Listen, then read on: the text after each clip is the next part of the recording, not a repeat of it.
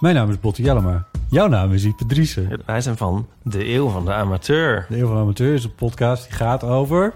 Alles. Het is een eh, podcast over levenskwesties die je niet kunt googlen. Een soort licht neurotische blik op het leven. Het is een podcast met humor. Jezus. Kijk, een grapje. Die, die vragen durft te stellen en die je ook onbeantwoord durft te laten. Mooi. met een regenboogvlagje. Dat, dat noem je queerbot. Dat an- regenboogvlag, dat klinkt echt als een soort... Eh, ik bedoel, iedereen is welkom. Kom ons luisteren in je favoriete podcast-app.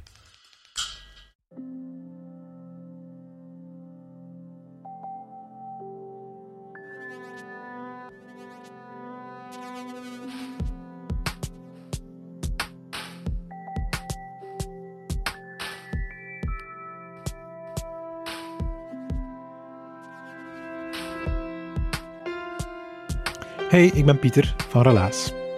In Relaas hoor je waar gebeurde verhalen en die worden verteld door de mensen die ze zelf hebben meegemaakt.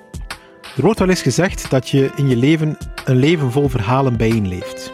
En dat is natuurlijk ook zo. Het betekent ook dat je rugzak van verhalen, naarmate je ouder wordt, steeds groter en groter en groter wordt. Ook Dree heeft zo'n grote rugzak. En op onze Kluister Vertelochtend, die we samen deden met het Cultuurcentrum van Brugge, daar heeft Dree een van die verhalen opgediept en met ons gedeeld.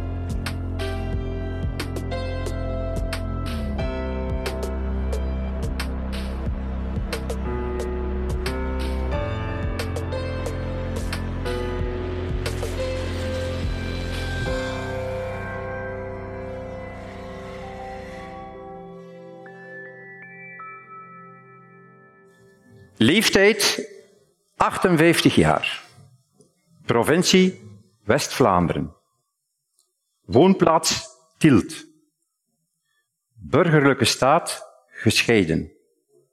Kinderen? Ja. Hobby's? Wandelen, fietsen, lopen, eenvoudig lekker eten en genieten van de natuur. Dat is een klein stukje van mijn profiel dat ik een tijdje geleden op een datingsite op internet gezet heb. Ik was inderdaad al een tijdje gescheiden en ik was dus alleen. Nu, alleen zijn op zich, dat is niet altijd slecht of negatief. Je kunt de dingen doen die je wilt, staan en gaan, waar je goesting in hebt. Maar die medaille heeft ook een keerzijde. En af en toe wordt dat alleen zijn, wordt eenzaam zijn. En dan komt het verlangen en de hunkering om een partner te hebben, om samen dingen te kunnen doen. Want God heeft in zijn scheppingsverhaal de laatste dag de mens geschapen in twee soorten. De man en de vrouw. En daartussen de laatste tijd een aantal variaties. En ik ben daar geen uitzondering op. Ik ben ook een mens die niet graag eenzaam en alleen is. En zo had ik het besluit genomen van, ik ga een keer kijken of ik iemand kan vinden. En voor mij leek de beste weg eigenlijk het internet omdat je dan eigenlijk voor het gemak rustig in je zetel kunt zitten en een keer kijken wat dat er zich allemaal aanbiedt. Nu, eerst en vooral moet je jezelf aanbieden. En naast mijn profiel had ik ook een paar foto's toegevoegd. Twee namelijk. De eerste foto, die was genomen in de Alpen, in de bergen, tijdens een trektocht. En ik stond daar, fier als een gieter, met mijn duimen in de lussen van mijn rugzak, met sneeuw en een meertje op de achtergrond. En ik had zo'n blik van, dat is hier allemaal van mij. Zeg. En de tweede foto, dat was een beetje gelijkaardig, dat was in de Pyreneeën. En stond ik, zoals elke wielertoerist, fier als een gieter met mijn velo bovenop de Col d'Aubisque. En met een blik van, die heb ik hier ook klein gekregen. En het belangrijkste natuurlijk in mijn uh, profiel is dat je zegt, wie zoek ik eigenlijk? En ik had eigenlijk liefst van al iemand gevonden die gelijkaardige hobby's heeft, dat we veel dingen samen kunnen doen. En wat doet dan zo'n internetsite? Die zoekt een aantal matches, beter of slechter, en de beste matches worden dan voorgesteld. En zo kwamen er een aantal dames tevoorschijn voor mij, die op het eerste zicht redelijk goed matchten, maar op het tweede zicht toch niet altijd zo allez, in mijn smaak vielen. En dat zijn kleine details, want ik weet niet of dat jullie dat weten, maar hoe ouder dat je wordt, hoe kieskeuriger dat je wordt. Iedereen heeft zijn rugzakje mee en zijn bagage. En we zeggen, die fouten van het verleden, daar zoek toch liever niet meer in lopen. Misschien herkenbaar voor een aantal mensen. Dus, die mensen komen tevoorschijn, die dames. Maar. Ik heb het al niet echt begrepen op huisdieren, dus een mevrouw met zes katten of een met drie honden, dat, dat was mijn ding niet.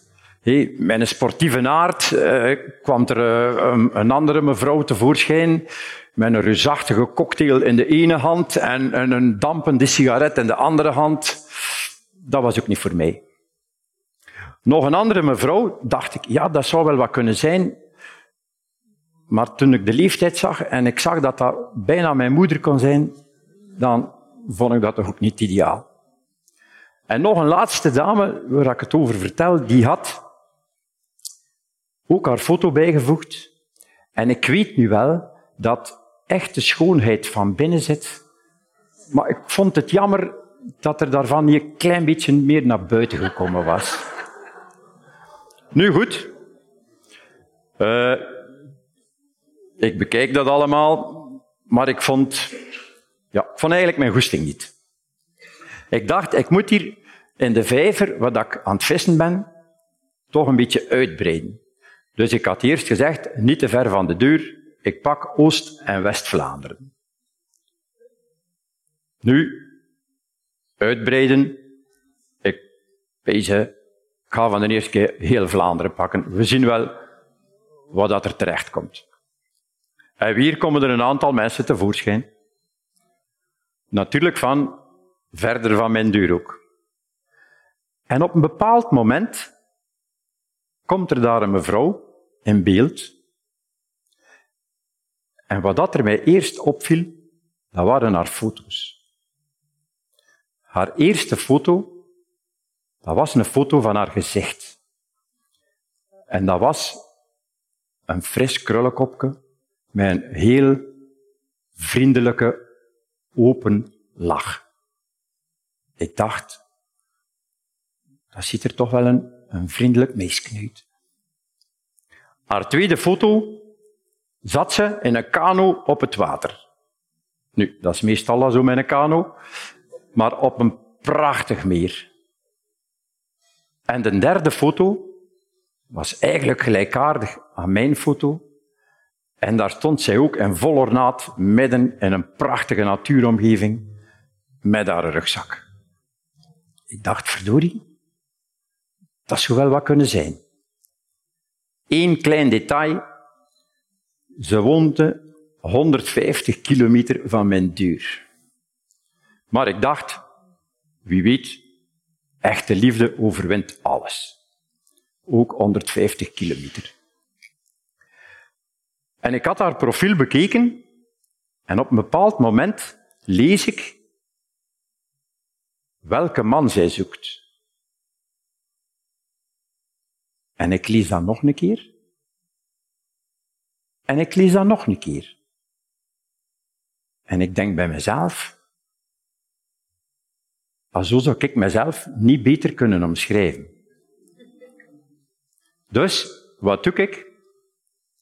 Ik trek mijn stoute bergschoenen aan en ik stuur haar een kort mailje met de boodschap Hilde, want ze noemt Hilde, Hilde, misschien ben ik wel de man die jij zoekt. Ik dacht, ik heb hier niets te verliezen en ik stuur dat door. Ik dacht, ik zie wel of er een reactie komt of niet, maar die reactie die kwam heel vlug. En zo begon eigenlijk de bal te rollen. Onze bal. En we mailden verder. En we vertelden over ons leven. En dat voelde allemaal heel goed aan. En achter een week of twee dacht ik, ja, ik zou dat madame nu eigenlijk toch ook wel een keer willen zien.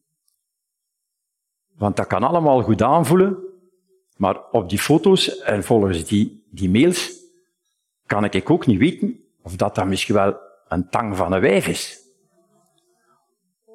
En in haar geval kan ze ook niet weten of dat ik misschien een bullebak van een vent ben. Dus ik trek terug mijn stoute bergschoenen aan, want die had ik ondertussen afgedaan. En ik stuur haar terug een mailtje met het voorstel om eens af te spreken. En dat was direct goed. Dus we spreken af. Ik zou de zaterdagavond naar haar komen. En we zouden s'avonds iets lekker gaan eten. Blijven slapen daar. Nu, daar had ik al een oplossing voor gevonden. En dan de dag erop zouden we samen ontbijten en daar een mooie wandeling maken. Zij woont in de streek van Tienen-Hoegaarden. En dat is daar eigenlijk wel een hele mooie streek. Nu, ik heb thuis zo'n oude camper. En ik had haar voorgesteld, kijk, ik kom met de camper en ik zal die daar ergens parkeren, ik slaap daar in mijn camper en dan de zondag kunnen we ontbijten. Alles geregeld. Ik met mijn camper de zaterdagavond naar Hoegaarden. 150 kilometer. Nu, die camper, die kan maar 90 kilometer per uur. Dus ik had heel veel tijd om te pezen, om mij zenuwachtig te maken. Uh, ja, ik weet niet wat je kunt voorstellen. Het blijft een eerste ontmoeting met iemand die je eigenlijk alleen maar via computer kent. En ja, een stuk nieuwsgierig. Ik kom daartoe met mijn camper. Ik zit hier daar in een hoekje. En zo een beetje met wat floten in mijn benen zo. Ga ik naar de voordeur en ik bel aan. De deur gaat open. Wat zegt die Hilde tegen mij? Kom hier, dat ik u een knuffel geef. Het ijs van gans de Zuidpool was al gebroken. En we zijn beginnen vertellen en vertellen en vertellen. En s'avonds gingen we samen gezellig iets gaan eten. En terwijl dat we er aan tafel zitten te eten, had ik gezien dat zij precies een soort verband aan haar arm heeft. Ik dacht, ja, die zit misschien met een tenniselleboog. Maar voordat ik daar iets over kon vragen, begon zij zelf heel spontaan en eerlijk en open te vertellen dat ze een aantal jaren geleden borstkanker gehad heeft. En gelukkig voor haar, met een borstsparende operatie. En die, dat verband dat ik dacht, dat was eigenlijk een soort kous om problemen met haar arm een beetje te onderdrukken.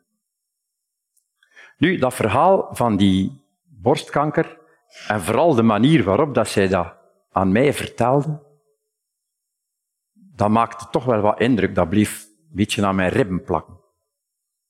Nu goed, de avond verliep heel gezellig. En toen we terug naar haar huis gingen, zei ik, ja, ik ga eerst mijn kamper een beetje plat zetten, want in Hoegaarden is er geen meter plat bijna. Waarop dat zij antwoordde, hoe moet jij dat niet doen? Blijf je maar bij mij slapen, ik heb een logeerkamer. Ik zei, oei. Ja, ik heb dat aanvaard. En zo geschieden. Zij in haar kamer, ik in de logeerkamer, s'morgens een ontbijt en dan een mooie wandeling. En na die wandeling terug naar huis. En ik moet eerlijk zijn, ik had eigenlijk wel een heel goed gevoel. Gevolg, we spreken nog een keer af. En we spreken nog een keer af. En wij bleven maar vertalen en vertalen, want we hadden blijkbaar allebei zodanig veel dat we wilden kwijtgeraken. En op een van ons volgende wandelingen, hoe en waarom, dat weet ik niet juist, maar liepen we hand in hand. En nog een beetje later kwam onze eerste kus. En zo rolde onze bal verder en verder. En was er van alles de eerste keer. En ik heb al verteld dat het verhaal dat zij mij vertelde over haar borstkanker, dat dat echt, ja, dat dat, dat, dat indruk gemaakt op mij. En ik heb zo in een, in een korte opwelling, heb ik een klein tekstje geschreven voor haar. En ik heb haar dat dan gegeven. En ik heb haar gevraagd of ik dat vandaag mocht voorlezen voor jullie. En ze vond dat goed. En dat zou ik nu nog willen doen. En ik heb dat tekstje de titel gegeven, Ik denk het niet. Vroeger waren ze gelijk, maar nu niet meer. Nu zijn ze ongelijk. Daar heeft kanker over beslist. Toen we gingen fietsen, heb ik stiekem een paar keer naar jouw boezem gekeken en af en toe zachte rondingen gezien. En ik dacht bij mezelf, als ik daar mijn hoofd mag tegenleggen en twee armen om mij voelen, zou ik dan nog voelen dat ze nu ongelijk zijn? Ik denk het niet. Dank u wel.